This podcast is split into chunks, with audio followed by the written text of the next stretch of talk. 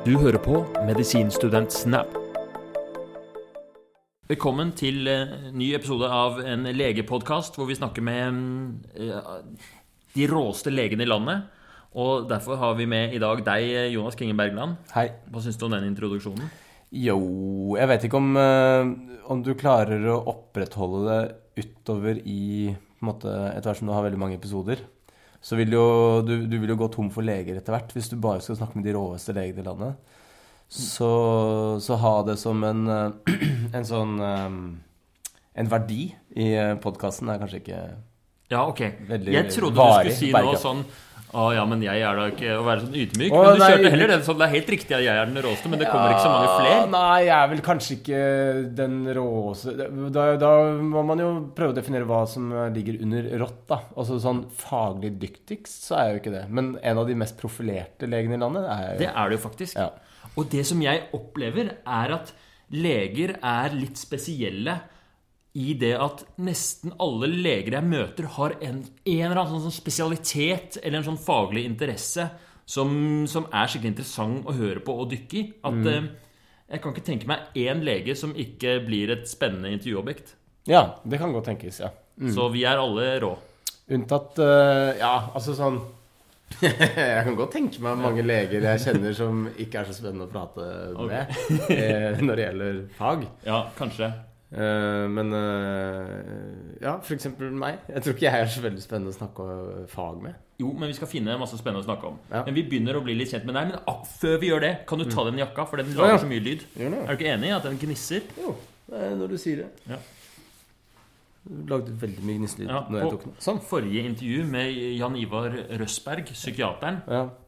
Som jo jeg synes var et kjempespennende intervju, men han satt på en stol som knirka. ja jeg merka ikke det. Jeg hørte episoden. Åh, veldig bra, takk. Men jeg, jeg registrerte det, men jeg hadde ikke Jeg var eh, Jeg hadde da ikke selvtilliten til å si sånn Du, kan du bytte stol? Så jeg satt og irriterte meg over det hele. Det er det dummeste Men har du selvtillit til å si La oss si du intervjuer en som, eh, som du rumler helt sjukt mye i magen, og innimellom fiser litt uten å, uten å vedkjenne seg det, og bare late som ingenting.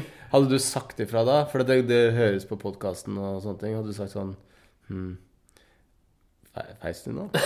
Nei, det hadde jeg ikke sagt. Jeg hadde rediger- jeg hadde bare latt det jeg hadde redigert det vekk i etterkant. Ja. Mm. Du har sittet der og latt som ingenting. Ja, ja. Jeg, jeg, så konfliktkomfortabel er jeg ikke. Nei. Jeg tror Jeg veit ikke hva jeg hadde gjort. Jeg tror jeg kanskje hadde ledd litt og sagt sånn Oi. Ja, ja. Det, jeg kan ikke påpeke noens eh, fising som jeg ikke kjenner. Det klarer jeg ikke. Nei, jeg feis i et møte en gang. Jeg, var, jeg skulle gjøre en standup-jobb eh, for um, et shippingfirma. Og så skulle vi ha et møte i forkant, og så um, var det da to fra firmaet, og så var det en fra eventselskapet. Så vi var fire personer inne i rommet. Og så hadde jeg sånn Det er sånn Alt ligger feil i magen-følelse. Det er bare sånn Hvis jeg bare får ut bitte litt av luft her nå, så stabler alt seg. Ja, Så du lente deg litt over på ene tok ene liksom skinka sånn, og så tenkte jeg det her skal gå fint. Og så ble det kjempehøy lyd. og så tenkte jeg da hadde jeg ganske kort tid for å liksom bestemme meg for å liksom calle det eller late som ingenting. For du kan ikke, du kan ikke calle det etter å ha gått ti sekunder, liksom. Nei. Du må ta det med en gang eller aldri. Jeg valgte aldri, og det ble rart. Og ingen, ingen vet Ingen, sa ingen sa noe, alle satt og lot som ingenting, og alle, alle skjønte nok innerst inne at det var jeg Ja. som hadde gjort det. Men uh, ja. Ok. Ja. Men da eh, ønsker vi velkommen til deg, eh, Jonas. Ja. Du er Du var ferdig lege for em, fem år siden? Ti år siden? Nei, 2009, så nå er det snart ti år siden. Ja. Mm. Det Men er du- ti år siden. Du er mest kjent for å være en av Norges mest eh, suksessfulle komikere. Du har vunnet Årets komiker flere ganger.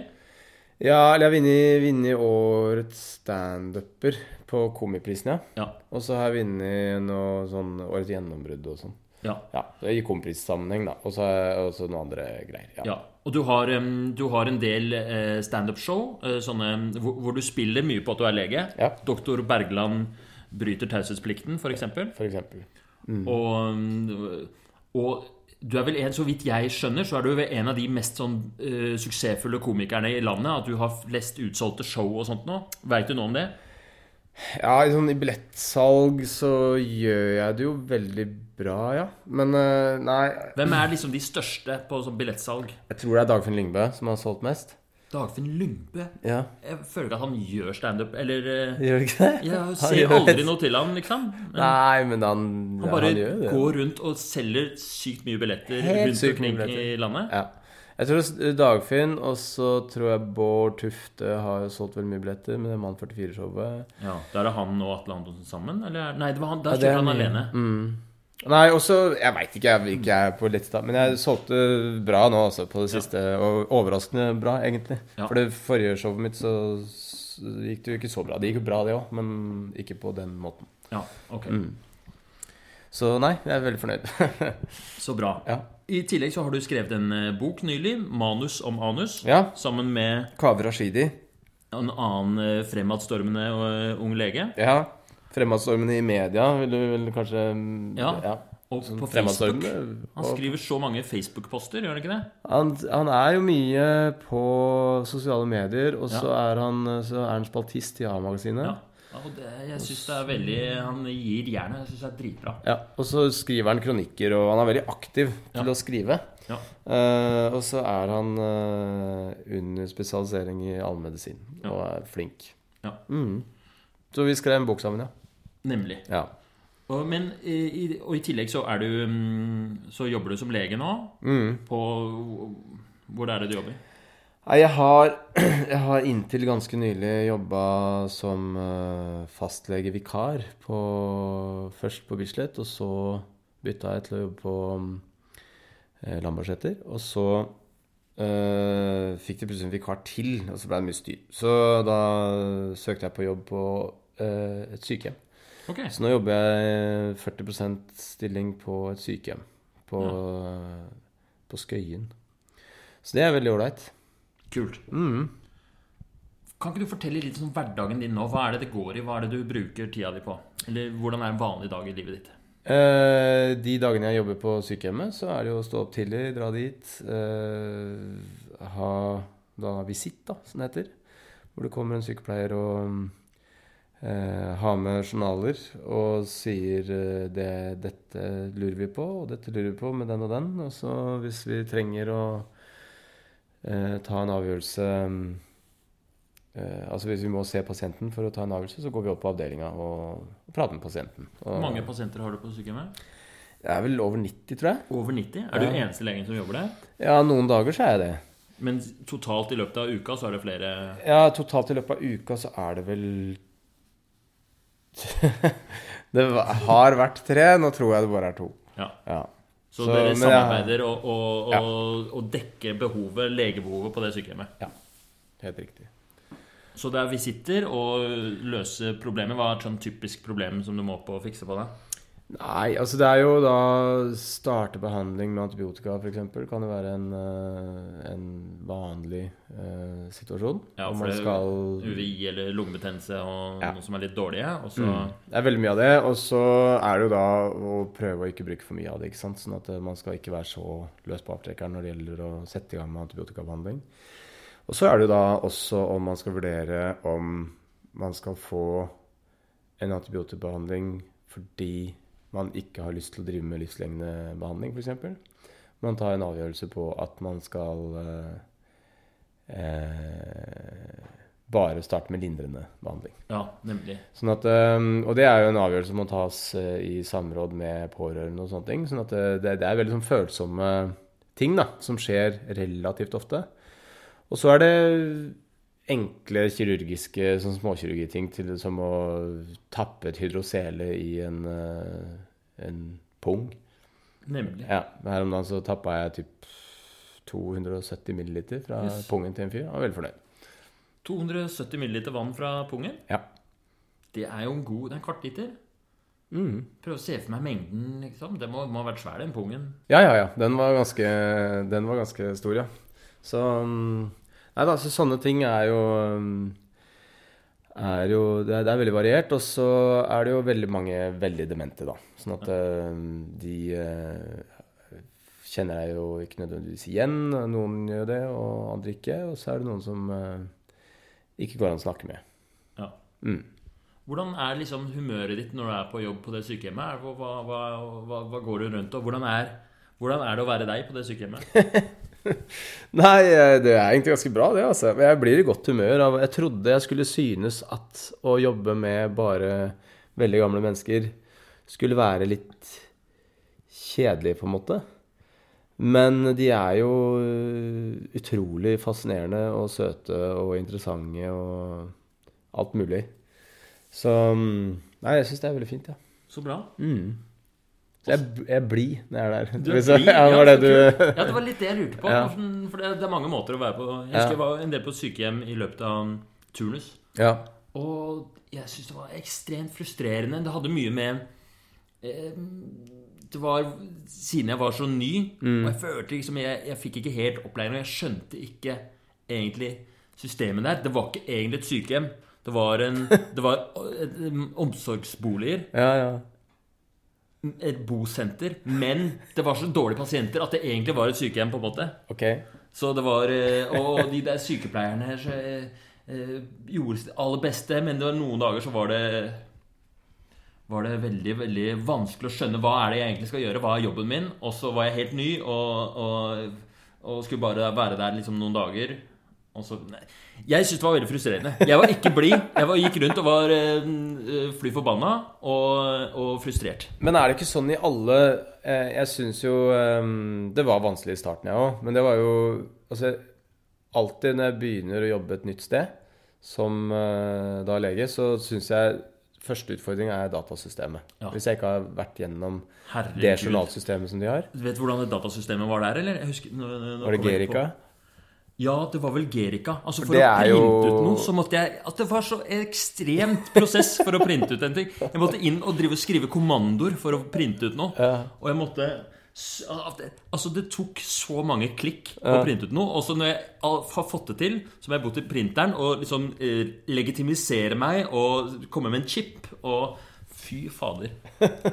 Det datasystemet fikk jeg lyst til å, å, å, å knuse. Men eh, hvordan Ja, men Gerika er ganske dårlig. Nei, ja, Vi var her om dagen, så da var vi begge legene på jobb. Og så skulle jeg henvise en pasient til en hudlege.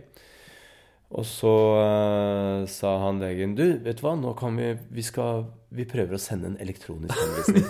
og jeg bare Så spennende at teknologien har kommet så langt. Og så dro han fram en sånn der blekke som var sånn der eh, guide da, til å sende en elektronisk henvisning. Okay. Og det der systemet der, det er så lite intuitivt at det er, det er Jeg har så lyst til å snakke med de som har laga det, for Ja. jeg lurer på hva slags mennesker de er. For det er så, det er så helt fjernt, liksom. At du, du Det er nesten umulig å finne fram i de systemene på egen hånd. Du må ha en guide, Du må liksom. ha en sånn blekke med, med, med bilder av skjermdumper, av, og så står det 'ringet rundt', trykk på denne knappen, Ja, og så går du videre. Ja, nei, det er helt merkelig. Også, men i hvert fall Og det tok så jæska lang tid. Og så trodde vi jeg hadde henvisningen klar, og så sa jeg men den teksten her ser jo litt sånn funky ut, for det var jo bare første journalnotat jeg uh, skrev, så det er ikke nødvendigvis en veldig god tekst. Og så Ok, nå går vi tilbake og retter, og så brukte vi dritlang tid på det. Så kom vi tilbake til henvisningen og bare sånn Nei, det er fortsatt den gamle teksten. Greit, vi bare gir opp det. Vi må bare sende den, Hvor mange bare ganger tror du sånne spesialister sitter og Å, det var dårlig henvisning, og så tenker han jo Ok, her var en lat, Mm. idiotisk allmennmedisinsk person. Ja, det tror jeg, jeg tror, de tenker nok det, ja. Ja, Ja. Men så er det jo egentlig en som har kriga i døgn, og egentlig kanskje har skrevet en fantastisk henvisning, Ja. men så kom det jævla første notatet opp igjen. Så er det Gerika som lager øh, Nei, så du må, du må øh, være god på det første, første utkastet. Men i hvert fall, det tok en time. Ja. Og så sendte vi den henvisninga, og så sa jeg dette her er noe av det rareste jeg har vært med på. At vi har vært to personer som jobber en full time ja med for å sende syv og et halvt års utdannelse. ja, altså. Men vi, vi klarte det sammen og greier. Og så sa jeg sånn Da Da satt en sykepleier der som skulle jeg tulle litt, så sa jeg jeg vil gjerne takke alle som har vært med og bidra i denne prosessen. Og sånn. De skjønte ikke helt at jeg tulla, så de var sånn Ja, bare hyggelig. Bra. Ok. Men Så det er hverdagen din. Mm. Sykehjem. Du går rundt og er blid, du digger det. Um, hva gjør du på fritida? Da trener jeg, og så gjør jeg jo show uh, en del. Um, ja, så det er ofte i helgene. Nå, nå er jeg akkurat ferdig med en lang periode med turné, så nå, nå er det fri. Ganske, så nå er det jo å liksom bygge opp nytt materiale og teste nye ting og sånn. Ehm, ja, så det er egentlig stort sett det livet mitt eh, består av. Bygge opp nytt materiale. Rett og slett skrive vitser. Skrive og teste det ut på folk. Og teste det ut på folk, ja. Og så Hvordan gjør du det? Hvor er det du sitter og skriver? Nei, jeg har ikke noen sånn god arbeidsrutine på akkurat det nå, men det skal jeg få meg nå i eh, året som kommer. For at nå må jeg eh, Jeg må skrive et like bra show som det jeg har hatt. Det showet gikk jo veldig bra, så Mm. hvis du på en måte skal lage et nytt, så blir det litt flaut hvis det ikke er noe særlig populært. Hvordan skriver man en vits? Nei, det er ikke så lett å si, altså. Men det er sånn For eksempel, da, så har jeg en uh, Her om dagen så var jeg ute og jogga, og så eh, så jeg en uh, dame som kom joggende mot meg med en liten hund. Og så tenkte jeg bare sånn på et innfall Hva hvis jeg sparker den hunden ute i skogen, liksom? Altså jeg bare åpner sinnet Ja. mitt for, Ja. for sånne tanker, da. Mm. Og så mens jeg jogger, så tenker jeg liksom sånn hvordan ville, Hva ville skjedd videre? Hadde, hvordan kunne jeg ha kommet meg unna? Altså hva hadde liksom Og så øh, Og så kom jeg på en vits som jeg syns var god, hvor, jeg, hvor vitsen er Jeg har funnet på den, den eh, perfekte forbrytelse. Okay. Det er innsalget på vitsene.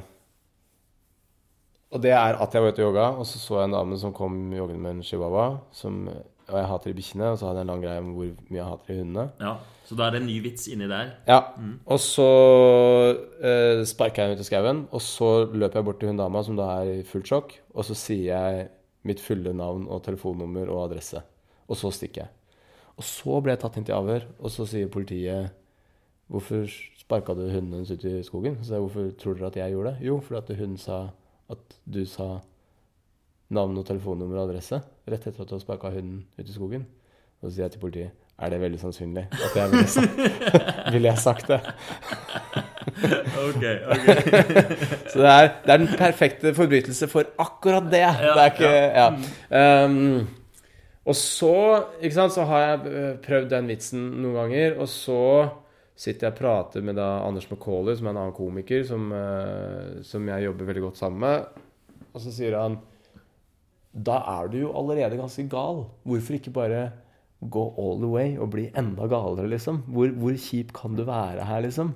Så sitter vi og kødder fram og tilbake. Liksom, hvor, hvor jævlig jeg kan dra Hvor langt jeg kan dra denne historien her, da. Mm. Så nå har den blitt dobbelt så lang, den vitsen, liksom. Men det er Ja. sånn det ofte begynner. Så det eller at begynte man- på en joggetur. Det som skjedde, var at du så en person komme mot deg. Ja. Så begynner du å spinne på den ideen mens du løper. Ja. Og så kanskje skriver du ned noe på et eller annet tidspunkt. Ja. Og prøver det ut litt og sånt noe. Og så har du en ny dialog med han, Mm. en, en kollega. Og så i enden av dette her så har du et show på en time. Ja, på en måte så er det jo det. Men det er, det er bare et, et bitte lite element, da. Også, men så må du få da andre vitser til å passe med den. Altså sånn Så du må gjøre om kanskje noe for at du skal komme inn i et nytt tema og sånne ting. da. Ja, for er du har, Kanskje du har en gammel vits som du ikke har tatt på en stund, som du har lyst til å inkorporere. Så kan du Ja. kombinere ting og hente ting fram og tilbake. Ja. Det er litt sånn. Helt 100 annerledes jobb enn å sitte og være lege. Ja, ja, veldig annerledes. Um, det som er likt med det, er uh, Altså, kommunikasjon med pasienter er jo veldig viktig for at eh, både man skal bli forstått, og at man skal bli um, hørt på. Uh, at, altså sånn at de gjør det du sier at de skal gjøre. Og at de føler seg ivaretatt og, og sånne ting. Og den der kommunikasjonen der er veldig følsom ut ifra mange faktorer. Altså, men den er ganske lik som det å stå på scenen. For at det, det å kommunisere med publikum i en sånn setting, altså det å gjete en flokk med mennesker eh, via en mikrofon, trengs en litt sånn sensitivitet rundt skal jeg, Hvor mye skal jeg liksom dra på her? Skal jeg Altså Du må være veldig observant samtidig som du prater. på en måte Ja. Selv om du gir informasjonen, så må du være veldig var på hva de har fått med seg. Ja. Så, så det tror jeg er eh, det eneste som er sånn felles. Men utover det så er det veldig annen tone i arbeidshverdagen, ja. På et sykehjem og stå på scenen. Hva liker du best, da? Nei, jeg syns jo det er veldig ålreit å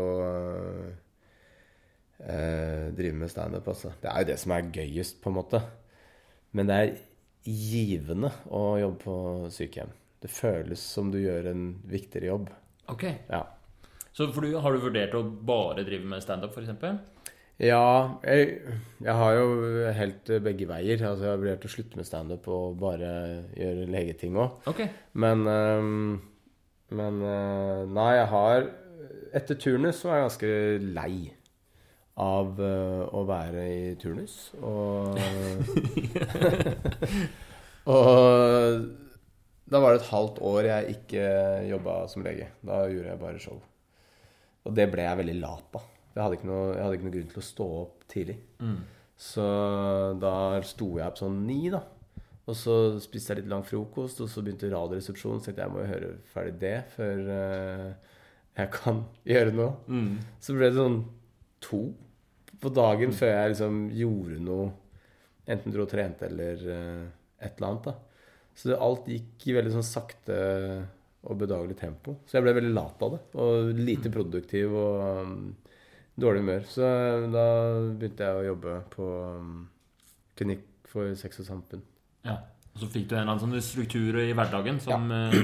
Og fikk en, en fastlegevikarjobb etter hvert også. Ja. Så det var um, Og det var veldig nyttig. Og både for å faglig altså opprettholde eh, kapasiteten, sånn rent faglig sett. Men også bare mentalt. Så Mm. være nyttig. Og være trengs et sted. Ja. Tror jeg er veldig lurt. Nemlig at du har, du har liksom eh, Du slipper å tenke på at du har dårlig samvittighet fordi du ikke gjør noe med Ja. godt for verden, liksom. Mm. Altså øh, Trengte ikke nødvendigvis synes det var så gøy å være på jobb øh, alltid. Men øh, jeg følte meg nyttig. Det var ålreit å skulle stå opp. Du må stå opp for at du skal et sted. Hvor de forventer at du kommer og gjør et arbeid. Det tror jeg er eh, sunt. At noen Er- lener på deg, liksom. Ja. Så kult, Det er fort, sikkert fort gjort å glemme hvis man står i en sånn fulltids legejobb og jobber ræva av seg og kanskje er litt stressa, og ta det litt for gitt at eh, fryktelig mange andre har ikke den gleden av å føle seg veldig nyttig til enhver tid. Nei, jeg vet ikke. Altså sånn Jeg vil jo tro at mange er bevisste på det, men eh, Jeg tror i hvert fall det er et aspekt som er lurt å, å ta med seg når man snakker med folk som eh, har vært sykemeldt over lang tid. Da. At eh, det kan være en selvforsterkende effekt, det å faktisk ikke ha noe å gjøre.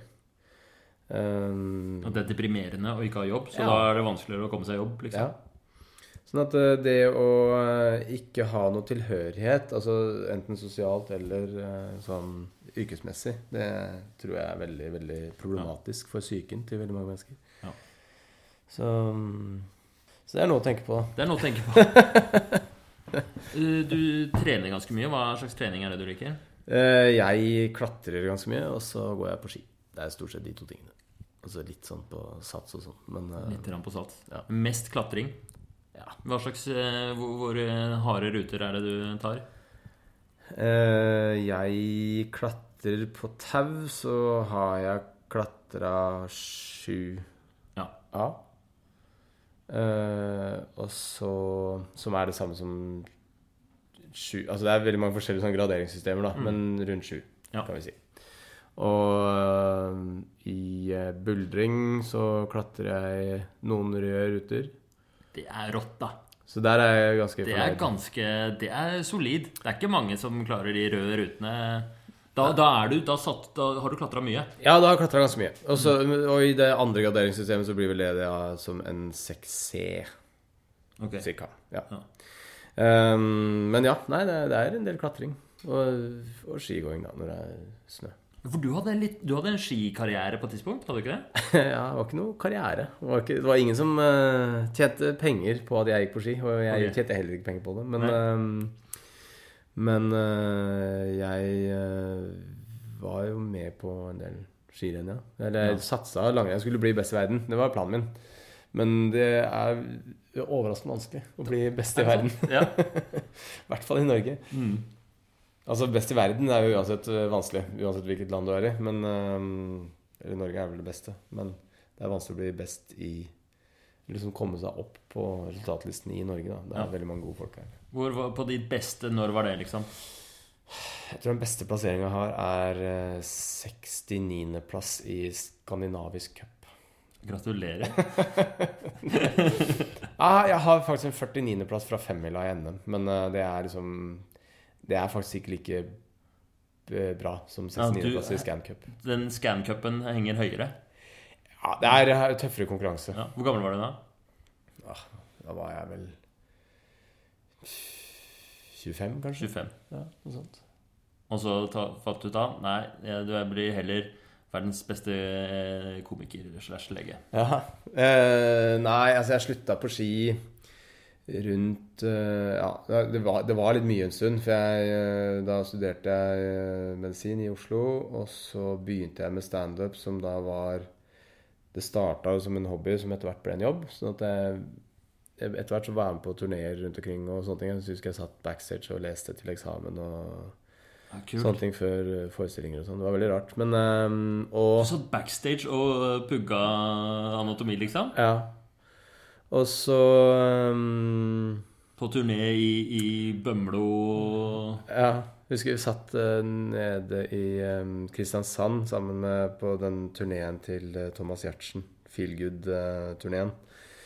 Hvor jeg da var på plakaten som eh, Det var da Ylvis Aydali, eh, Thomas Giertsen N. Punktum fl med fler. Ok, det var deg. Jeg var eh, der. Mm.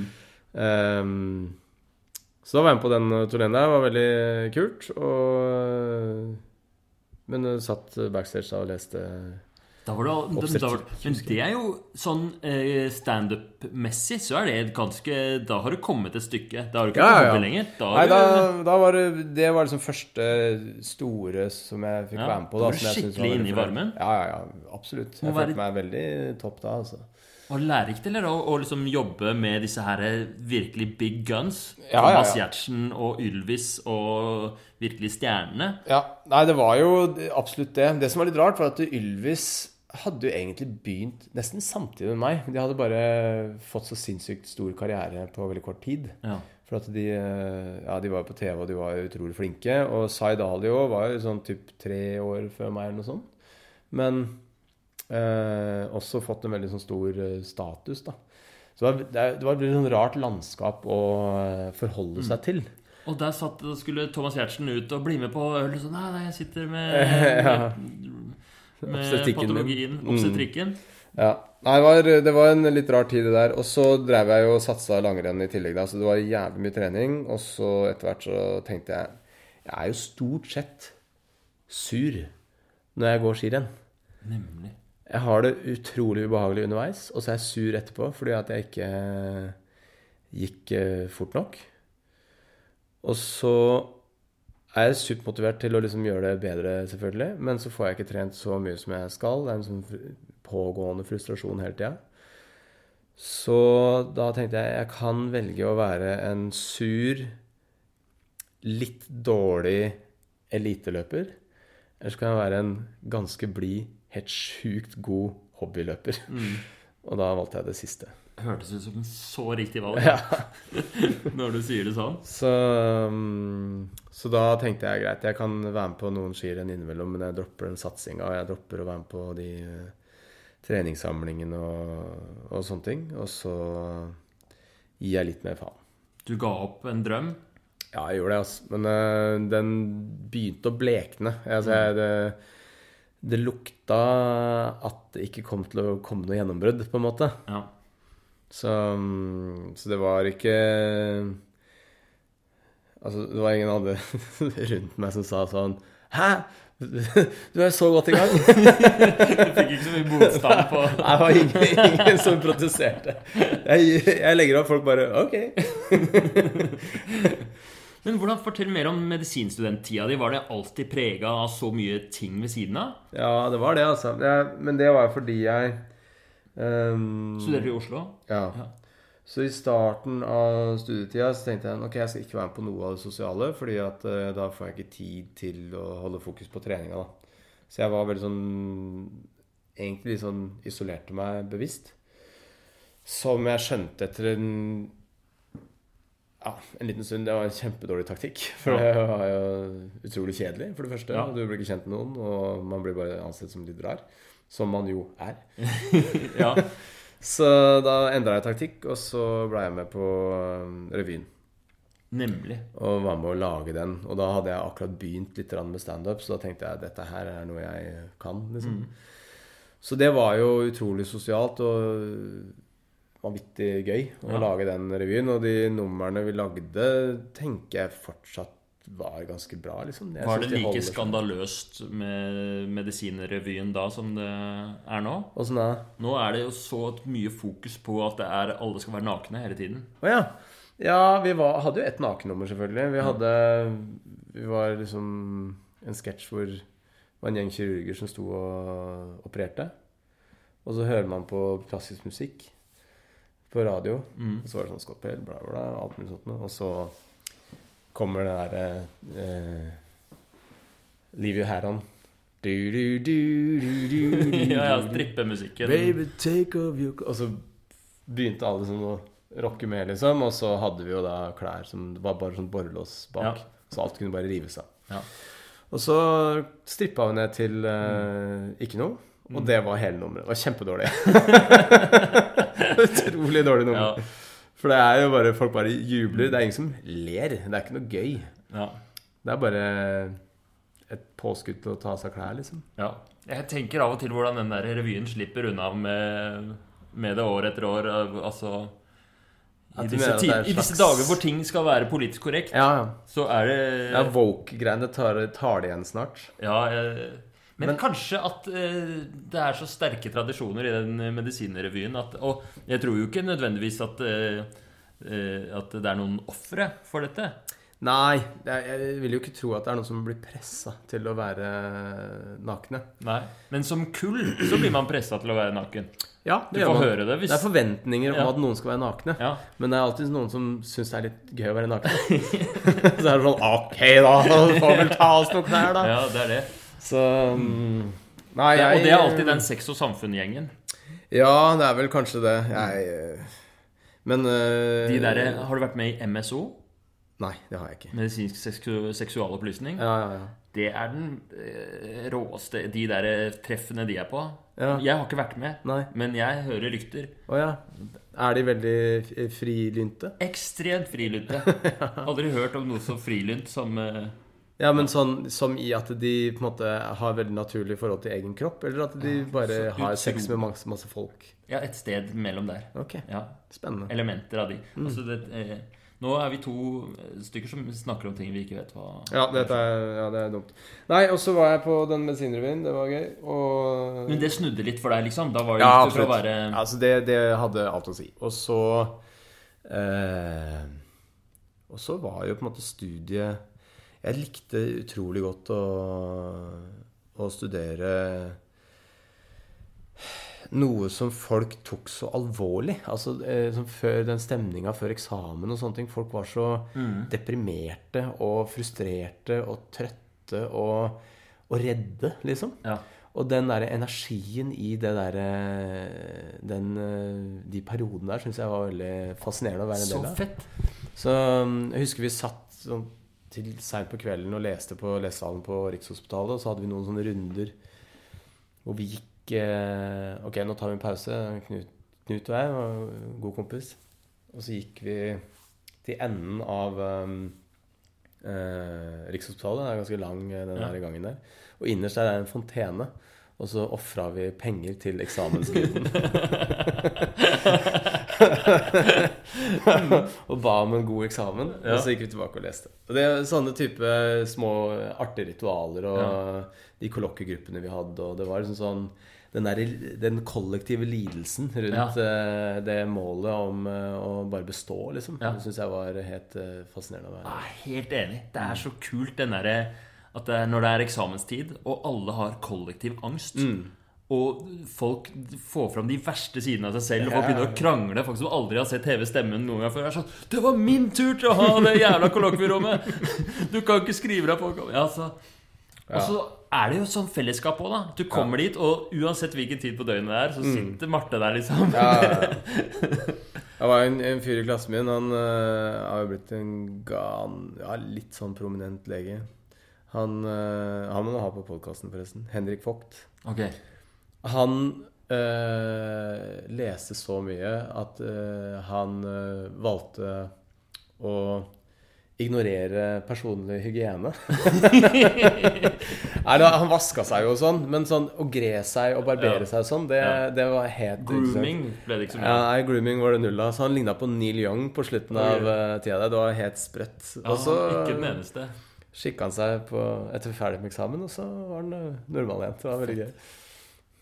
Det, er, det at Det tror jeg ikke så mange andre har heller. Det at man er liksom eh, Man er sammen om det. At liksom Nå skal kollokviegruppa stå, liksom. Eller kullet stå. Jeg husker på vår eh, eksamen så fikk Det var noen konter og sånt nå, men til slutt så ble alle kom gjennom siste eksamen på tolvte semester. Og så var det sånn Yes, kullet besto! Ja. Vi klarte det. Det var så digg. Ja, jeg røyk ut, jeg, av kullet.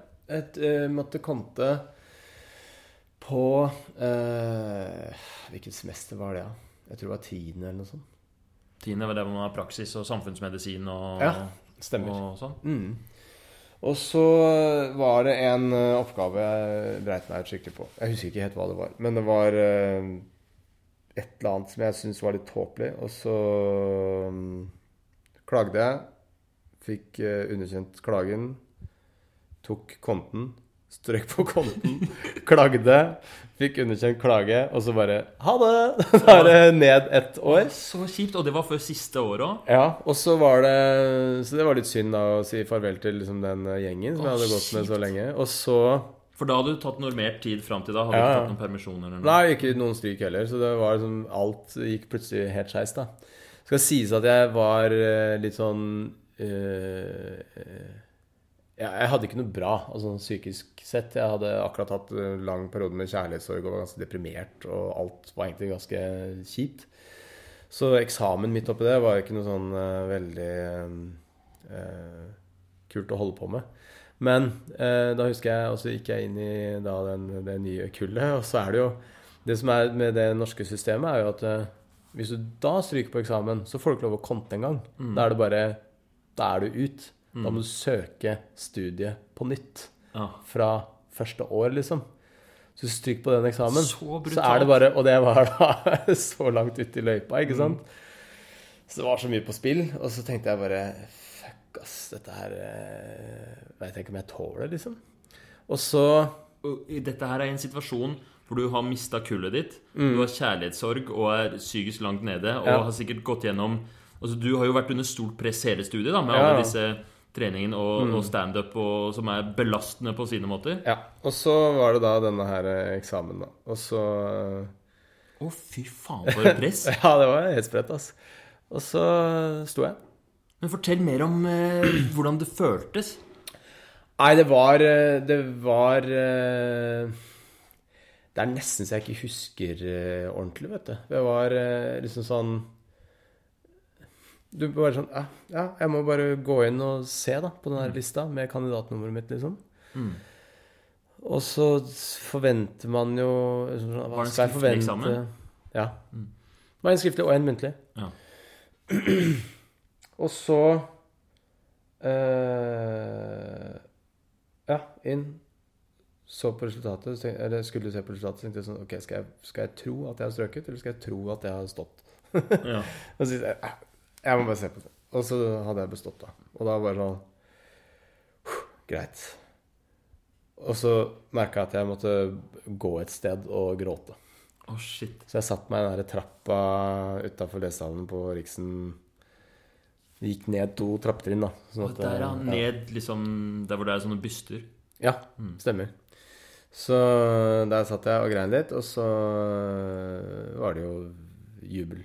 Så det var, det var deilige tårer og lettelse, liksom. Ja, ja, men jeg var bare utslitt, liksom. Så Ja, og så gikk jo resten av tida gikk veldig fint. Mm. Uh, og så er det turnus på Gjøvik sykehus. Ja, Var det fint? Ja. Kan jeg bare spørre litt mer om den der For jeg syns det, det er så mange som eh, Medisinstudenter som tidligere Jeg har snakket om eh, hatt episoder om studieteknikk på den andre podkasten som heter Motiverende intervju, hvis man er interessert i det. Og der eh, delte jeg en, eh, en ikke nødvendigvis eh, samme type opplevelse, men også, jeg også hadde det tøft på et tidspunkt og, og, og sleit på studiet. Og det var så mange som var sånn Å, fy søren, så deilig å høre. Og som har sendt meg melding etterpå og bare fortalt om at de eh, har forskjellige situasjoner hvor vi sliter og syns det er tøft. Så jeg bare lurer på om du kan beskrive litt mer eh, liksom hvordan det var på det verste, hva du sto i. da, og liksom, Når var det du var mest deppa? Hvordan påvirka det deg? Hvis du har lyst, da. Eh, Ja, ja, ja. Eh, nei, altså jeg eh, har eh, en tendens til tungsinn fra før. Sånn at jeg, jeg er ikke en sånn uh, lyrisk uh, glad fyr til vanlig, egentlig. Sånn at uh, når ting først vipper meg av pinnen, så, blir, så går det liksom sånn Jeg går veldig langt ned i kjelleren. da. Og noen av de der eksamenstingene tok jeg som nesten sånn personlig fornærmelse. Og på en måte ikke klare å stå Altså det var sånn Ja, det føltes skikkelig som et nederlag, ass. Så mm, flaut å si, og liksom Og så skal si til kullet at eh, ja, jeg skal ikke være med dere videre, liksom. Så det å dumpe ned der, det var eh, skikkelig slag i trynet, og så var det Men så var det jævla digg med folk som da liksom sa sånn Ja, for det første sånn 'velkommen til kullet vårt', og dritkult og at du eh, eh, Du kommer hit, liksom. Men så var det også folk som liksom støtta meg på det. Sånn der OK, du har hatt uflaks, liksom. Altså de, de la det liksom For vi gikk gjennom oppgaven og analyserte hva som hadde gått gærent her, da. Så bare, ja, de har vært strenge, og du du har hatt litt uflaks og sånne ting, da. Og så bare Ja, greit. Fordi du, la, du har tendens til å legge Eller det er fort gjort på medisinstudiet at man, identiteten din er å være flink og få til Ja. dette her. Det er jo, det er jo en, en sånn eh, statusgreie i det derre Altså, de fleste medisinstudenter har vært flinke på skolen hele livet, ikke sant? Mm. Og alltid vært vant til å være flinke og få til ting. Og så plutselig eh, skjer det ting som gjør at du ikke får det til. Ja. Og da Nei, det var eh, Jeg følte liksom at eh, grunnen begynte å Mm. gynge litt eh, under meg da. I hvert fall når det er sånn bestått, ikke bestått. Fordi en ting er jo Det er jo mange fordeler med det, men det, når du først stryker, så er du jo så alene, liksom. Ja, du er så. Ja, for det er sånn Å ja, du var ikke Du var ikke god nok til å bestå, nei. For at det er jo da Hva er det det ligger på? 65 Ja. tror jeg. Under 65 så er du ute. Og så tenkte jeg jo også sånn Ja, men er jeg for dårlig, så er jeg jo ikke skikka til å gå videre. Sånn er det jo bare. Altså, hvis jeg ikke har nok kunnskap, så er jeg jo, er det uansvarlig å sende meg på pasienter, liksom. Så den er jo grei å måte forholde seg til. Men, øh, men det er jo døvt, da. Å være liksom øh, ansett som øh, for dårlig til å få lov til å fortsette. Det er så brutalt. Hadde du noen sånne måter å takle det på? Var det noe som, du, som fungerte bra, som du gjorde? Eh, Jeg prata med Det var en annen på kullet som eh, også strøyk, eh, og strøyk på konten. Så vi Og han var heldigvis en fyr som ble ansett på kullet som var ganske flink. Sånn at jeg kunne liksom Vi allierte oss litt og prata litt om det her, og hvor vanskelig det var, og kjipt og sånn. Han fikk medhold i sin andre klage. Ok. Ja, Så han fikk bestått på konten etter klagen. da. Så på en måte helt fantastisk. Så der skiltes våre veier. Ja. ja, Men det må ha vært litt enda kjipt å miste han din allierte. Ja, ja, ja, absolutt. Men jeg, jeg følte at han var min um, sånn legitimering av at jeg hadde hatt uflaks. Mm. Eh, fordi at han var ansett som en av de flinke på kullet. Ja, så det var litt viktig for deg, og at liksom det var en til som også hadde gått på den samme smellen? Ja. Så Men så røyk jo han ut av det, det lille teamet der. Ja, fordi da, Eh. da skjønner jeg at selvfølgelig så uh, undrer jo han å stå, men det var jo sikkert utrolig digg å ha han Å være to om det. Altså, Ja. den ja. Nei, det var helt topp eh, den lille stunden det varte. Men eh, Nei, det var jævlig vanskelig, altså. Så hva gjorde jeg? Altså, jeg var jo inntil den derre Jeg var jo psykolog på Blindern, husker jeg en gang. Men jeg syntes han var så dårlig, så jeg slutta å gå der Mm. etter en, ett besøk. Mm. Hva er det man gjør da? Man trener lange økter og grubler og sover dårlig, og så kommer man seg gjennom det. Hvordan øh, håndterer du tungsinnet ditt nå, da? Eh, nei, jeg går til eh, psykiater eh, sånn innimellom. Og så har jeg gått på antidepressiva et par runder, men ikke nå. Og så er det altså mm, sånne enkle grep. Ha det, ha det ryddig hjemme. Eh, komme seg ut på trening. Og få nok søvn. Nemlig. Ja. Hadde ryddig hjemme, den er det ikke så mange som snakker om, kanskje, men det er jo sikkert dritviktig. Hvis du bor i et kaos, så er det Ja. vel vanskelig å ha det Ja. eh, mindre kaotiske hodet. For meg, i hvert fall. Men øh, hvordan har du det ryddig hjemme? Rydder du sjæl, eller får du hjelp? Eller? Nei, jeg rydder sjæl. det er bra terapeutisk òg. Sånn, hvis Ja. du har det dårlig, rydd som faen. Ja, Vask alt. Jeg bare tenkte Så har du i hvert fall gjort noe. effekten av hushjelp på depresjon. Hadde vært interessant å Ja. forske på. Ja, det kunne vært det. okay. Det er et eller annet med å gjøre ting sjøl òg, da. Mm. Men, Ja, det er sant. Mm. At selve ryddeprosessen kanskje også er Du hører på Medisinstudent Snap. Hva, hvilke Når du jobber nå på sykehjem og du har jobba i allmennmedisin, er det noen eh, fagting som du syns er særlig interessante? mm, Hva er liksom din Nei, altså Jeg syns jo det er bare veldig nyttig å lære seg eh, så Altså det er ganske mye farmakologi som man eh, eh, glemmer litt. Altså fordi at indremedisinen hos de gamle er mye mer komplisert enn det er på et allmennlegekontor med mye yngre befolkning. mm. Så det er selvfølgelig eh, gamle der også, men eh, her er det veldig mye varierte tilfeller, da. Sånn at eh, Og det å ringe infeksjonsmedisinsk eller eh, forskjellige avdelinger rundt omkring på sykehus for å snakke med eksperter på medisinering av ditt og datt, Mm. og ta de avgjørelsene liksom sånn for eh, Ja, om medisin skal tas bort, da, Mm. eksempel. Det er ganske interessant. Så man lærer veldig mye Ja. eh, av det. Eh, og så er det det der, eh, den balansen å snakke med pasienter som ikke helt vet hvor de er, og ikke vil være der. Mm. Eh, og overbevise de om at eh, de skal fortsette å være der. Altså den forhandlinga der og den der eh, prosessen, det er å liksom forklare de eh, hvor de er, og, og hvorfor det er sånn.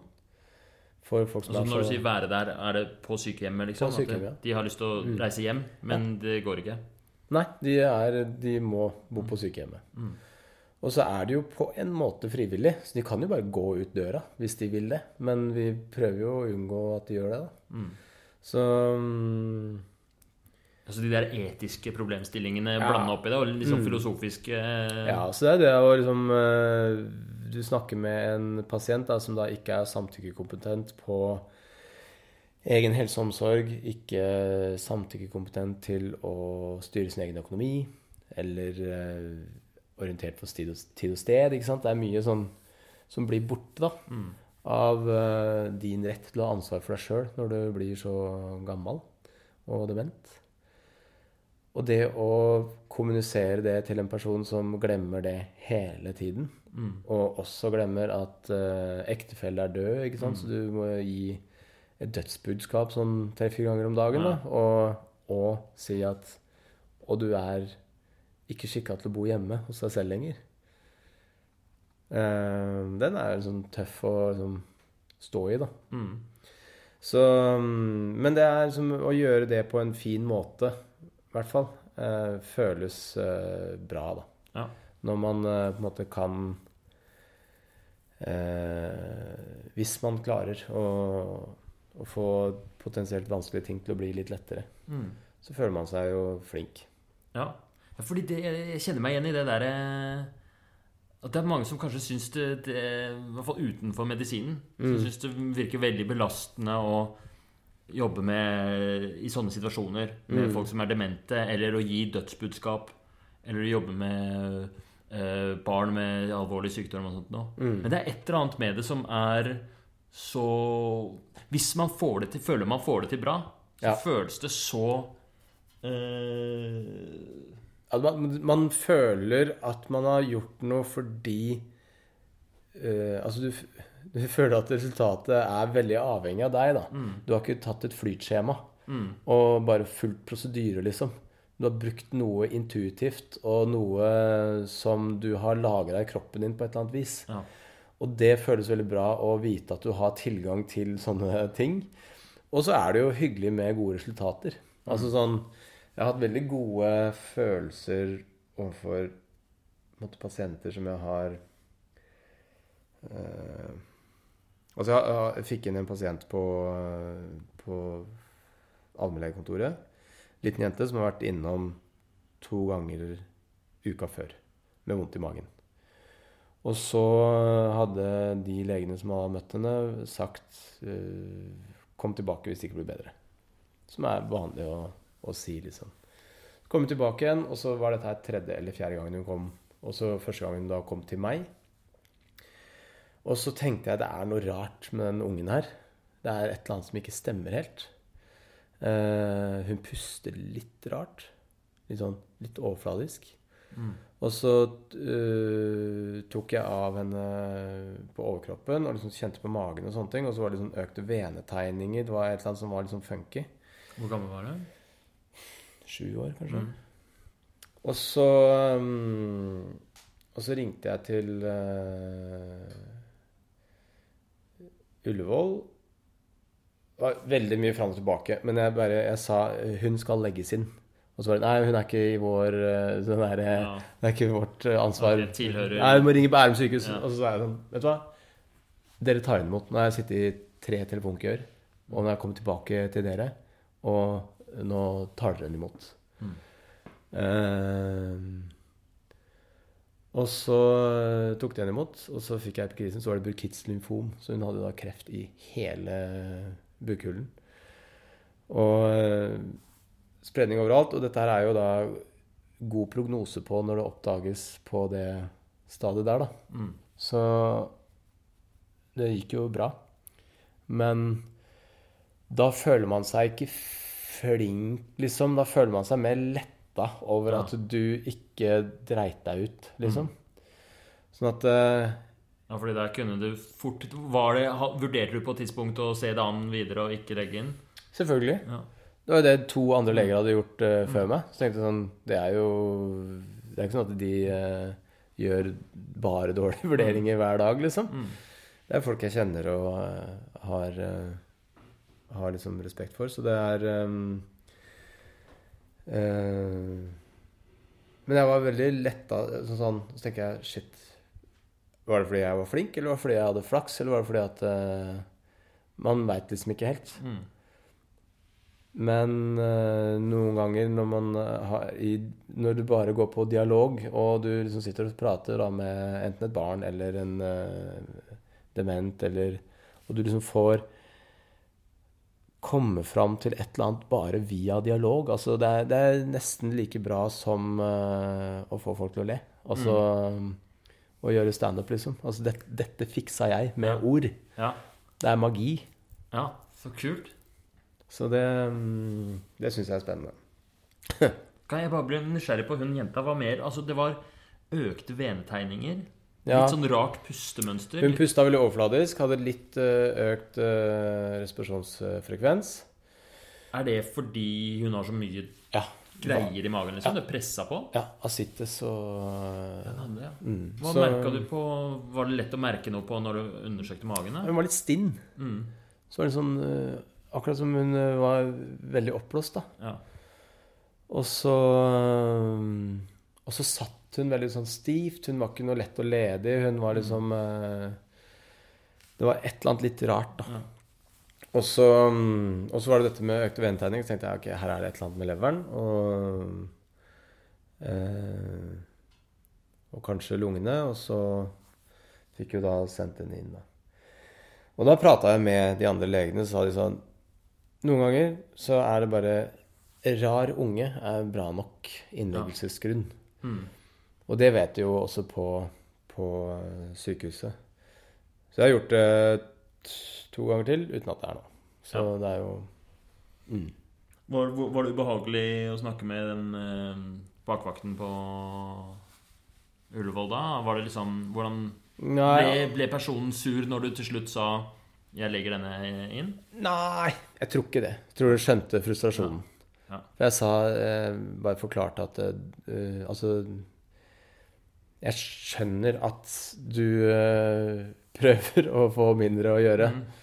Men eh, den må inn et eller annet sted. Så, og nå kan jeg ikke jeg bruke mer tid på å sitte i telefonkø. Ja. Så da var det sånn Ja, ok, kom hit. Og så var de jo dødsfornøyde med det etterpå, da, i Ja. epikrisen. Skal Ja. liksom Bra, bra du Bra. det er ålreit å få Å få litt den bekreftelsen nå. Det må jo være så givende med å være fastlege at man får svaret på det. Hvis det hadde vært en legevakt, eller kanskje Ja, ja, ja, du jobba på Dr. Drop-in, kanskje aldri fått vite hva som skjedde. Nei. Nei, det er helt sprøtt, det greiene der. Altså sånn, Det å få tilbakemelding og dialog med sykehus, og, og du får pasienten tilbake, og du prater med dem og alt mulig sånt, og det er jo veldig sånn givende, da, i fastlegejobben. Ja. Så Nei, jeg husker du jobba på, på sykehuset, liksom, og du tok imot i mottaket og sendte de opp avdelinga med en, en, en behandling, Mm. og så vet du ikke noe mer. ja. Så ser dere kanskje en eller annen gang på en visitt, på en Ja. måte, men det, det sendes bare videre til noen andre. Men eh, ja. Det som var gøy, var Jeg ringte han eh, faren til hun jenta som eh, med det lymfomet. Og så sa han eh, Ja, nei, det var kjempebra. at Det, gikk fint, det nå. Hun er under behandling, og det er veldig, veldig bra. Så mm, Men eh, da vi kom på sykehuset, så var det en lege vi møtte der, som hadde studert sammen med deg. Og jeg bare Å ja. Jøss. Ja, det var jo litt artig, da. Og han fortalte at du jobber som komiker. Åssen er det? Jeg bare jeg tror, Vi skal ikke snakke om det nå. Var veldig rart. Hvor, mye, hvor, mye, hvor, hvor ofte er det pasientene liksom er rare pga. de greiene der? Er Nei, På sykehjemmet så er det jo ingen, da. For Ja. de er jo De husker ikke at de har vært på show? ikke- at de har vært på noe show, eller de har, de har ikke vært på noe show. Men um, Nei, ja, det, det dukker jo opp noen, selvfølgelig, på, på fastlegekontoret. Men de blir ikke sånn rare. De er mer, sånn Å ja, du, du jobber her, ja? det er litt sånn, liksom. Så det er bare hyggelig, det, altså. Det har vært veldig få situasjoner som har vært ubehagelige. Ja. Mm. Men når det først blir ubehagelig, så er det jo da sykt ubehagelig, selvfølgelig. Man okay. føler seg jo dust, liksom. når er det, for, hvordan er det? Nei, sånn eh, Jeg husker jeg snakka om henvisninger innen psykiatri på podkasten til Dag Sørås. Eller på et radioprogram som han hadde, som også var på podkast. Og så akkurat rundt da så hadde jeg en uh, pasient som var midt oppi en sånn situasjon. Uh, og så snakka jeg på en måte i generelle termer om, om de situasjonene med sånne henvisninger. For det er vanskelig å henvise innen psykiatri. ikke sant? Og det er et uh, knotete og dårlig system. Og så sa jeg sånn Skal jeg da Og så må jeg forholde meg til at det er en stakkar på kontoret som eh, ikke få hjelp, bla, bla, bla. Liksom. Jeg snakka mest om min egen frustrasjon, da. Ja.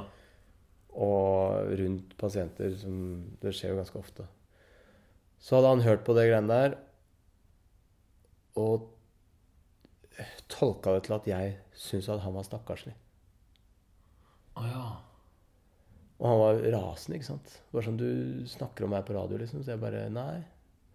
Eh, nå, nå har du misforstått. Jeg har ikke snakka om deg på radio. Jeg har snakka om folk i denne situasjonen som du Mm. tilfeldigvis er i.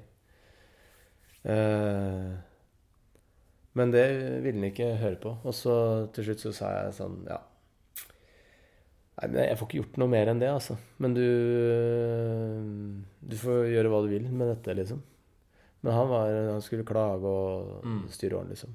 Og det er sånn litt døvt, fordi at eh, det å fortelle en uh, historie om en dårlig lege, er det veldig mange som har lyst til å gjøre. For at man uh, går litt mot uh, makta, og det er som Mm. man slår oppover, på en måte.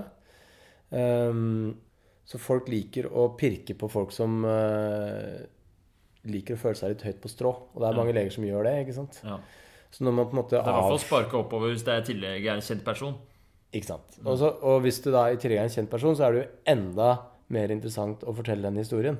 Om han legen som også er kjent, som tilfeldigvis er kjempedårlig. Mm. Det er jo krutt, ikke sant, å fortelle en sånn historie. Så man må på en måte være ekstra forsiktig, da, sånn at du ikke driter deg ut. Sånn at Ja. det ikke blir sånne historier. Men det er sikkert masse pasienter rundt omkring som syns at jeg har gjort en dårlig jobb. Det er jo, Man kan ikke Ja. Det gjelder jo eh, også alle leger, at vi helt garantert har noen pasienter som ikke har eh, Ja, ja. likt, uh... Altså, I løpet av et legeliv så tar man jo feil noen ganger. Det er jo, det er jo sånn som skjer, liksom. Du tar en feil vurdering, og så får man håpe at den ikke har så store konsekvenser. Men det, det skjer jo. Det er én ting. En annen ting er det er ikke alltid pasienten skjønner hvorfor vi gjør ting. Altså Det å ikke behandle, f.eks. Det er mange som blir forbanna fordi de ikke får mm, eh, medisiner. da. mm, Så kan jo det godt være en god vurdering bak det. ja, Men det er ikke nødvendigvis noe de har ekspertise på. ja. Det er vanskelig å forklare hvorfor det er lurt å ikke ta MR av kneet, fordi Sånn at Fordi at de kommer inn med en konkret bestilling, og vi ikke innfrir den, så betyr ikke det at vi er dårlige leger. Det Mm. betyr jo at vi tar en vurdering som er en annen enn din. Ja. Og eh, Eller holder tilbake på opiater og Ja, ikke sant. Sånne ting. Det er jo på en måte lettere å gjennomskue som eh, en irritert pasient fordi at de er eh, opptatt av sitt rusmisbruk, da. mm, Men, men en eh, Ja, en, en fyr som forteller at han har blitt baksnakka på radio av legen sin, er Mm. jo Ja, det, er spesielt. det skjønner jeg er kjipt. mm.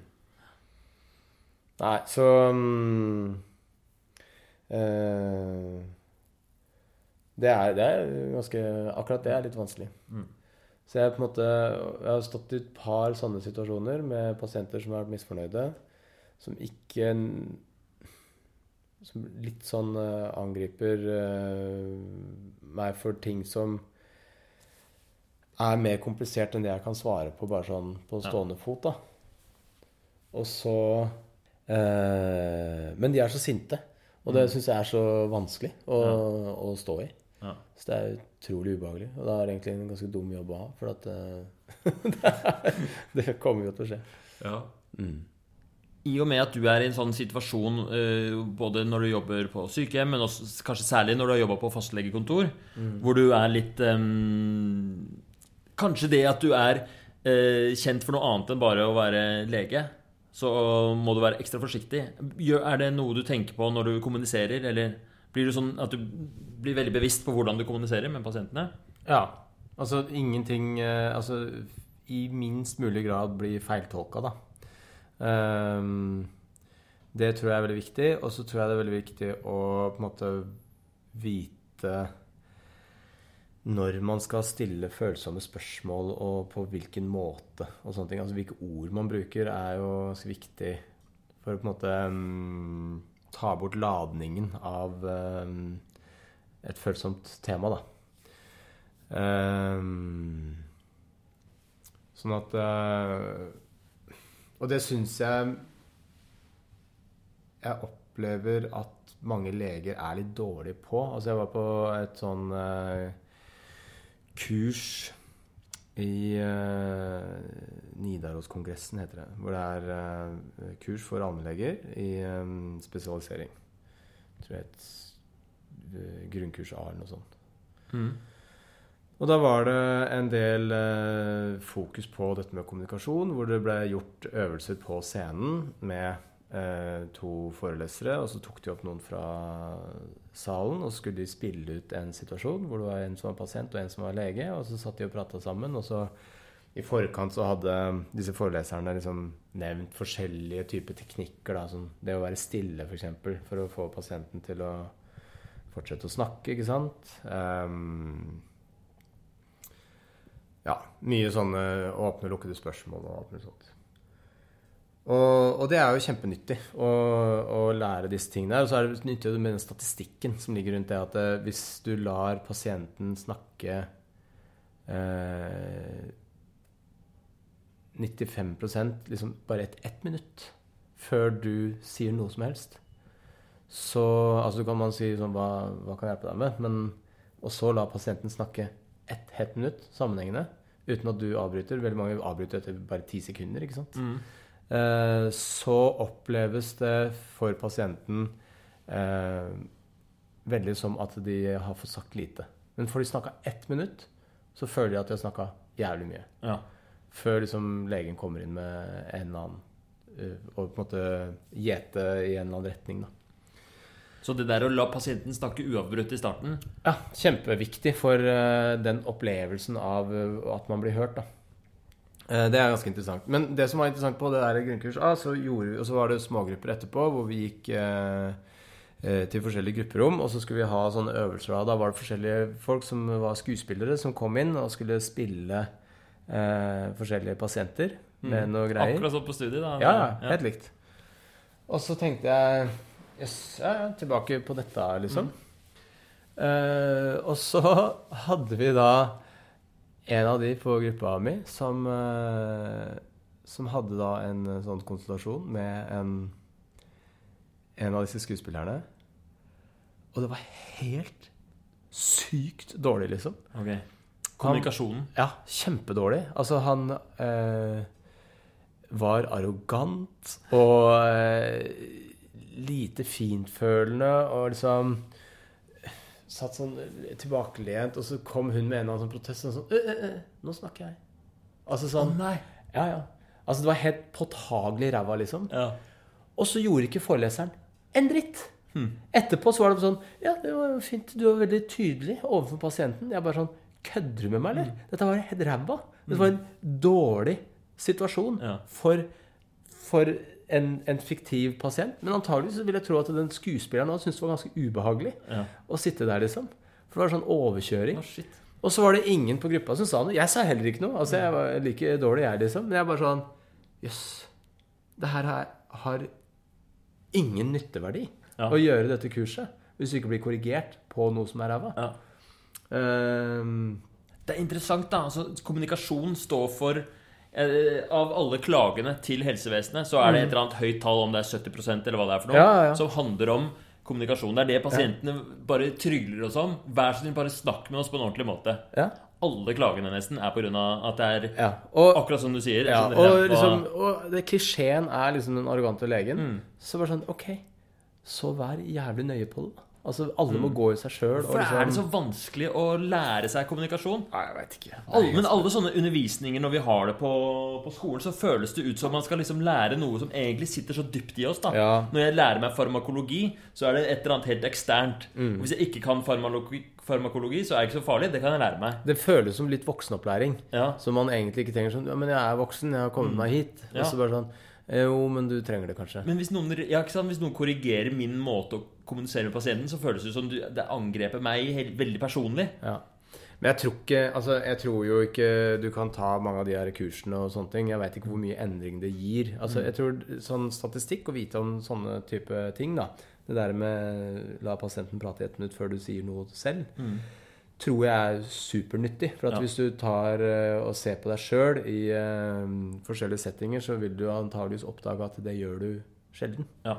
Det tror jeg også er nyttig. Der. Husker vi så på når vi så på video av oss selv. Mm. Ja. Det var noe av det mest eh, nedslående. Ja, ja, det er, det er forferdelig. Så eh, Men da går det an å lære noe. av. Ja. Og det går an å, å lære masse av. Men man uh, eh, Ja, det, akkurat det der det er en liten sånn eh, kjepphest uh, som jeg har. Altså sånn Har du noen triks, da? Eller, altså, en ting er å la pasienten snakke uavbrutt i starten, og noe andre liksom Jeg har et par triks, uh, og det er å ikke uh, legge i for mye omsorg. Ikke legge i for mye um, Stakkars deg, liksom. Ja. Altså sånn på ting som er eh, eller, eller noe som eh, på en måte skal være vanskelig eller følsomt. At man ikke er sånn altfor Altså en gynekologisk undersøkelse, da. Som kan ha potensialet i seg til å være vanskelig for eh, både pasient og lege. Mm. Men hvis legen oppfører seg som om eh, dette er en helt vanlig ting, Mm. og ikke behandler det som noe som er vanskelig. Ja. At du går Så er alt veldig greit med deg nå? Går det fint at jeg bare Altså sånn Behandle som om du syns det er eh, lett Ja. og litt kjedelig, Ja. tenker jeg. Det er en sånn Hvis jeg skulle vært regissør Ja. på en uh, skuespiller som skulle spilt en god ja. lege, så sa lett og litt kjedelig. ja. Så, men med en, eh, med en varme for eh, personen, så tror jeg du kommer ganske langt da. Ah, Det syns jeg var så vanskelig i turnus, fordi vi har så få, hadde, i hvert fall jeg hadde så få anledninger til å gjøre gynekologisk undersøkelse. Mm. Så de gangene jeg skulle gjøre det, så ble jeg, ble jeg nervøs, liksom. Mm. Jeg syns det var øh, eh, jeg vi skjønner jo selvfølgelig at det er ekstremt viktig Eller jeg skjønner jo det intuitivt, at det er best om jeg virker helt profesjonell og cool og som om jeg gjør det her fire ganger om dagen. Mm. Men da, det var en måned siden sist, liksom. Jeg hadde glemt hvor det speklene lå. Det bare, ah, jeg synes... Ja, ja. ja, nei, det kan jo bli ganske eh, sånn vrient. Og det er i, apropos det vi snakka om i stad, da, med at um, lege som gjør en feil, blir en historie som pasienten forteller Mm. videre. Og f.eks. GU har jo voldsomt potensial i seg til å, Mm. å skape sånne historier, da. Og, og jeg har hørt masse folk fortelle meg om dårlige eh, leger som har gjort GU, og eh, fordi de prøver å avvæpne situasjonen ved å prøve å være morsom, f.eks. Sånn, Ja. eh, ja ja, har du pynta deg for meg? Nei, Altså, nei, sånn, ikke sant? Sånne ting, da. Er det folk som sagt det? Ja, ja. Og det er jo helt grusomt, ikke sant? Eh, du skaper jo bare så mye motstand hos eh, pasienten. Ja.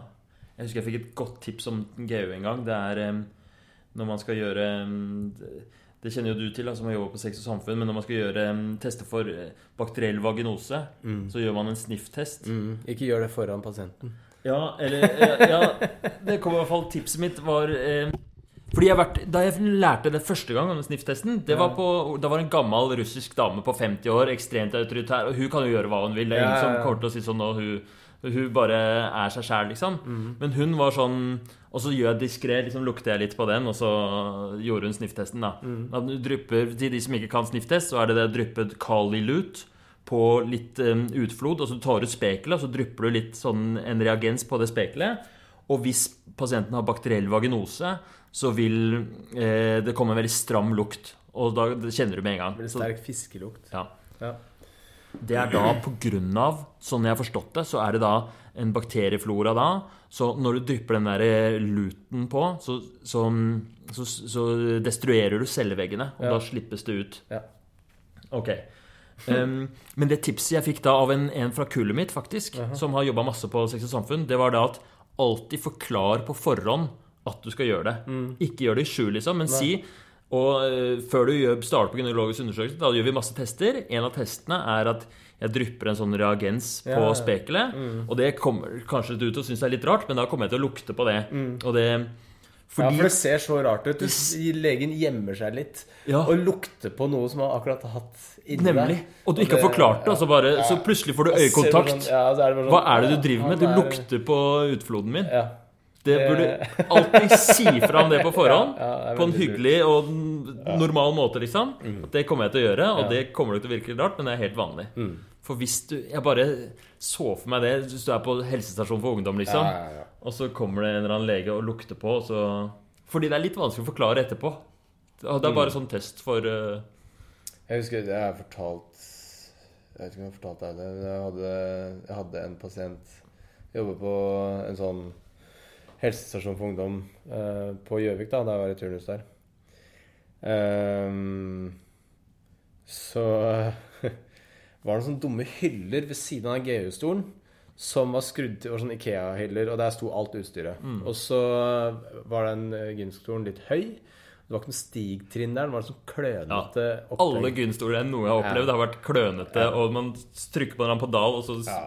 tipper den feil vei, og Og så sa jeg til en pasient, og en ung jente, ikke sant, skulle ha sin første GU, og så sier hun eh, Eller sier ja, greit, du skal, vi skal gjøre en GU, du har ikke gjort det før, greit. Da er det sånn at du tar av deg klærne bak det forhenget der, og så setter du deg i, i eh, stolen, og så sier du fra når du er klar, og så kommer jeg bort, eh, så sitter jeg og skriver et journalnotat mens, mens du gjør deg klar.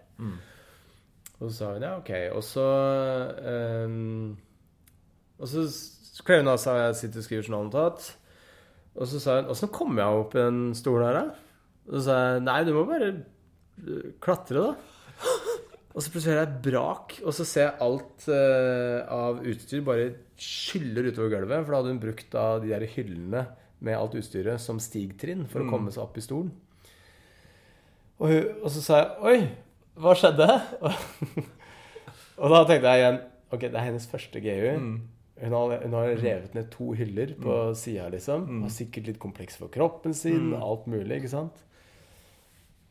Og så sa jeg så Hun var jo sikkert megaflau og veldig ja, i sjokk, da. Og så sa hun 'Jeg vet ikke'.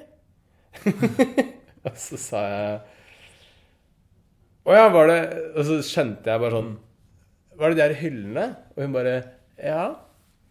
Å ja, ja, de detter ned hele tida. Det er et veldig dårlig system. Men uh, Beklager det der, altså. Men det er uh, Vi får bare mm, eh, Det går helt fint, fordi alt er pakka inn og sånt. da Så jeg bare brukte det som lå på, på gulvet, liksom. Sånn, Nei, de, vi må ordne noe bedre hyller enn det her, altså. Det var lurt.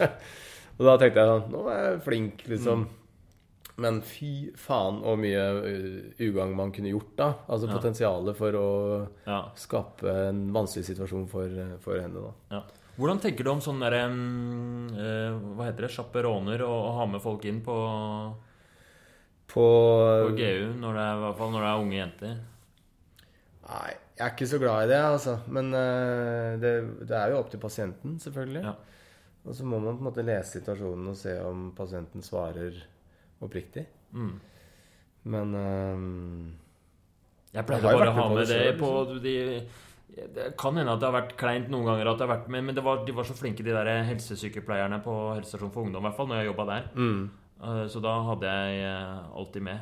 mm, Det hjalp meg. Jeg- Jeg var liksom Jeg var alltid litt nervøs pga. det tekniske med siden jeg hadde, var så uerfaren med det. Så jeg syns det var en litt sånn trygghet å ha de der òg, til å mm, drive og tørrprate når jeg drev og ikke fant spekelet, liksom. ja.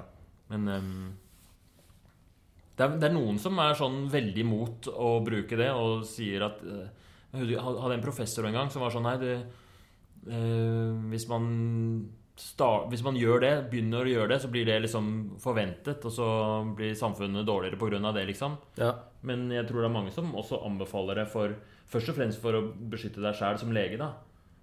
Men jeg Jeg tenker at Jeg, jeg veit ikke. Men i hvert fall, det, har jo litt med Hvis man er utrygg på hvordan man kommuniserer, og, og hvis man Ja. er en person som eh, Som ofte havner i konflikt med pasientene, liksom, så Ja, for at du, men uh, bare for å klargjøre begrepet Når du tenker å ha inn en ekstra person, så er det som en trygghet for å ha en tredjeperson der. Ikke for å ha en som er uh, En som bare skal se åssen det gjøres, ikke sant? Ja, det er, ja. Ja. ikke sant? Da sitter det eh, Det jeg tenker på, er ved gynekologisk undersøkelse å ha Mm. med da um, ha med da en, en, f.eks. en sykepleier Ja. eller en venninne av pasienten, hvis det er der, som bare sitter i rommet. Ja. Og som en slags trygghet, da. Ja, sånn, ja. ja nei, jeg vi tenkte Først så trodde jeg du mente en eh, læregutt, på en måte. ja, ja, sånn, ja. Nei, altså å ha en tredjeperson er helt uproblematisk Mm. for meg, det. Jeg har ikke hatt det så mye. Mm. Eh, ingen som har bedt om det. Jeg har liksom ikke sagt altså, har Hvis noen har sagt kan jeg ha med noen, så er det selvfølgelig null stress. Mm. Men uh, Jeg husker i hvert fall vi har fått et tips av mange at, uh, at det er lurt å, tilby. å tilby. Mm. Ja, det kan godt tenkes det, altså. Det kan godt tenkes at om 20 år så er det helt sinnssvakt at man gjorde det uten å tilby det. Ja, det kan hende. Jeg tror i USA og England og sånt nå, så er det nesten alltid med en Ja. Hvis du er mannlig lege, Ja. så har du jo nesten alltid med en, eh, en, en av sykepleierne, liksom. En ja. ja. Kanskje det blir eh, den veien det går. Det er litt sånn fint at, at det ikke er nødvendig òg, syns jeg. At- Jo da, det, har, det er en, en form for uh, tillit, og så er det også en uh, form for lave skuldre på at ting ikke nødvendigvis trenger å være så følsomt og Ja. vanskelig. Ja. Eh, altså Det er jo forskjell på pasienter, og jeg har jo gjort eh, haugvis av GU-er hvor eh, pasienten er helt sånn Ja, ja, liksom gi totalt faen. Mm. Sitter og snakker i mobilen og Ja, omtrent, ikke sant? Og, og til de som syns det er helt sykt vanskelig, og liksom nesten hyperventilere, liksom. Ja. Apropos, nå kom jeg på et annet tips eh, som du ikke må gjøre på GU. Det var en eh, som jeg hørte om fra en pasient. Som sa, og Det var også første GU-en. Hvor da legen hadde eh, hodelykten, eller lykten hadde ikke fungert, så hadde satt opp lyst med mobilen. Ja. Som jo er ganske problematisk. Ja. Eh, ja. Å, fy faen. så ikke gjør det. Jesus. Ja, nei, det er ikke bra. Det er lov når du skal kikke i halsen, men Ja. eh, Fy faen, så dumt. Ja, ja.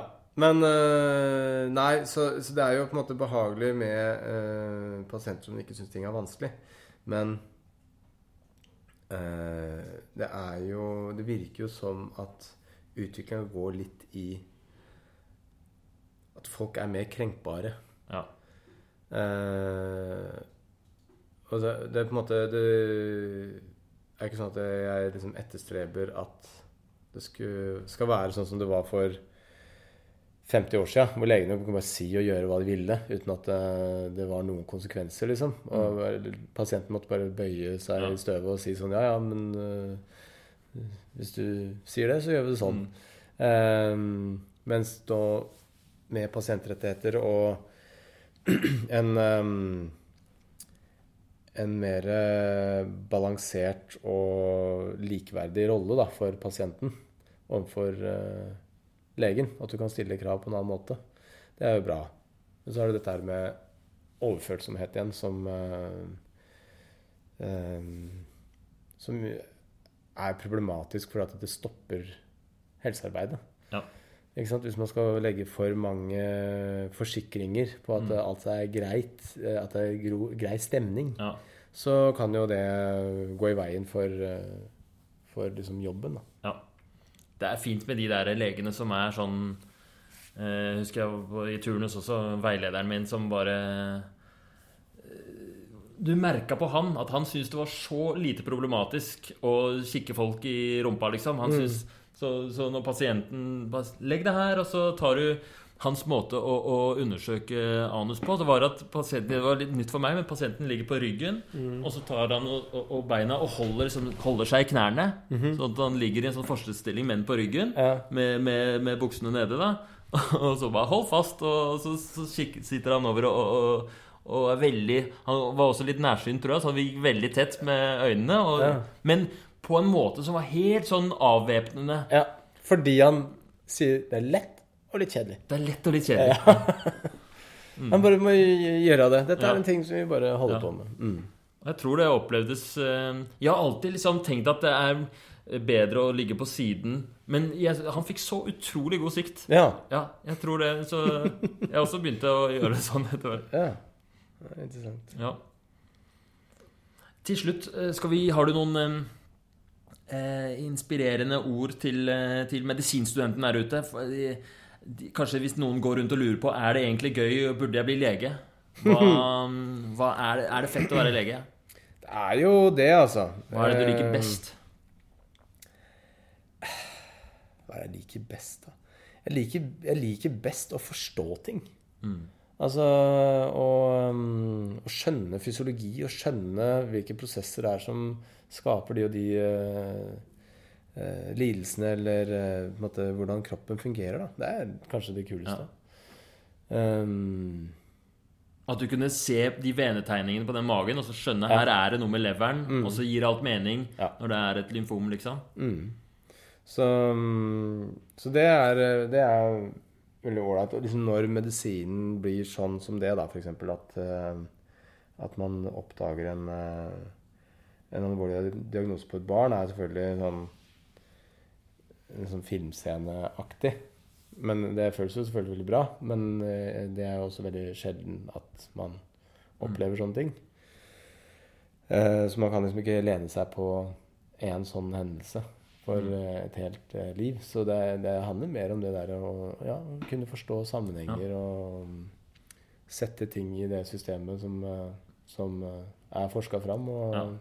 Ja, det er kult når man skjønner Altså de gangene man liksom skjønner ting.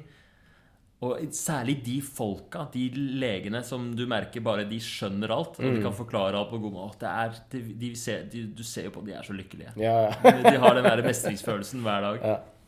Nei, det er veldig bra. Og jeg husker en sånn legende på Ullevål i, i, på observasjonsposten. Vi hadde gjort en innkomst på en pasient og liksom skjønte ikke helt. Og det var litt sånn det var rett og slett, Jeg var ikke så god lege, liksom. Så jeg, forsto ikke helt hva som var greia. Hva er egentlig planen? hos bare spurte jeg hva skal jeg gjøre med han her. Og så prøvde jeg å forklare litt. Og så tok han meg bare sånn Nå begynner vi helt på nytt. La oss lese. Og så gikk han gjennom grundig gjennom tidligere journalnotater. Og det virka nesten som han visste på forhånd hva som var greia. da Jeg vet ikke hva han gjorde, men han bare sånn Å ja, mm, du ser her, ja. Hjertesvikt. Ok. Og så mm, bare nøsta sammen og skapte en sånn historie som var så logisk og intuitiv. Og så gikk vi inn til pasienten og undersøkte på nytt.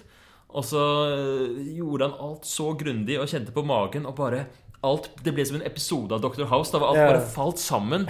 Og jeg hadde jo tatt 100% feil av hva som var, liksom, var det viktige med den pasienten. Og han bare yeah. lagde et sånt narrativ, og alt bare sånn Og så en ek ekstremt deilig liksom, plan og oppsummering som bare yeah. Og så fikk, skrev vi sammen liksom, journalnotat og videre plan og kom på riktig post. Og det var så tilfredsstillende Ja. for meg, som Ja. i tillegg sto der og hadde driti meg ut litt. Så tenk for han, da, som bare kan gjøre det til hverdagen sin. Ja. Og bare Nei, det er rått. Det er helt rått. Ja. Eh, tusen takk for at du ville stille på podkasten. Jo, bare hyggelig. Veldig ålreit. Og er det noe medisinstudentene skulle vite Altså, hvis de vil komme på show, kan de, ja, da kan de komme på show. Ja, det kan de. Nå er jo turneen ferdig. Men Ja. øh, det dukker opp her og der. Det må, en eller annen gang så må dere få med dere hvordan det er å se Jonas gjøre standup. Det er helt eksepsjonelt morsomt. Det er, det er hyggelig at du sier. Ja, men det mener jeg. Og eh, så kan dere jo også kjøpe boka di, da. Ja, manus, manus. Manus om anus. Det er en hel bok om rumpehullet. Ja. Den har du skrevet først og fremst for å tjene litt ekstra cash, eller? Nei, vi skrev den fordi at vi syntes det var en tåpelig tittel. Eh, og, og på en måte fordi at 'Hjernen er stjernen', 'Skjermen 'Sjarmen med tarmen' og 'Gleden med skjeden' hadde, hadde da kommet ut. Så tenkte vi sånn Hvor skal dette ende, Ja. på en måte?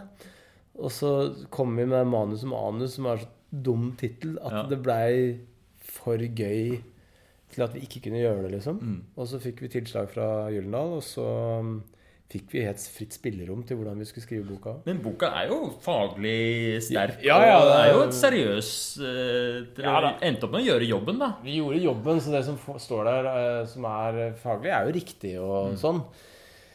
Men det er jo ikke noe sånn uh, viktig prosjekt. Ok. Det er så- ikke din brennende lidenskap for uh, Nei, nei, jeg har ingen, ingen spesiell interesse for uh, anusmedisin.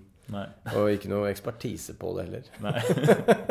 Annet enn det som man har som lege. liksom. Ja. Vi gjorde en del research, og den er jo underholdende, da. Men nei, vi solgte veldig lite. Vi, men nå er vi solgt til um, Så cash har jeg jo ikke akkurat tjent, nei.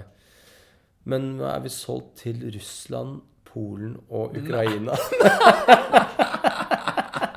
Så det visste vi ikke, at vi hadde østeuropeisk humor. Ok. Så det er litt artig. Så får vi se om det er et enormt marked for eh, rumpebøker i Øst-Europa. Ja. ja. Nei, men eh, supert. Ja, Ha en fin dag videre. ikke sant. Takk for nå. Vi er Medisinstudentsnap. Følg oss på Instagram. Der har vi quiz hver dag og mye annen medisinsk moro. Ha det bra!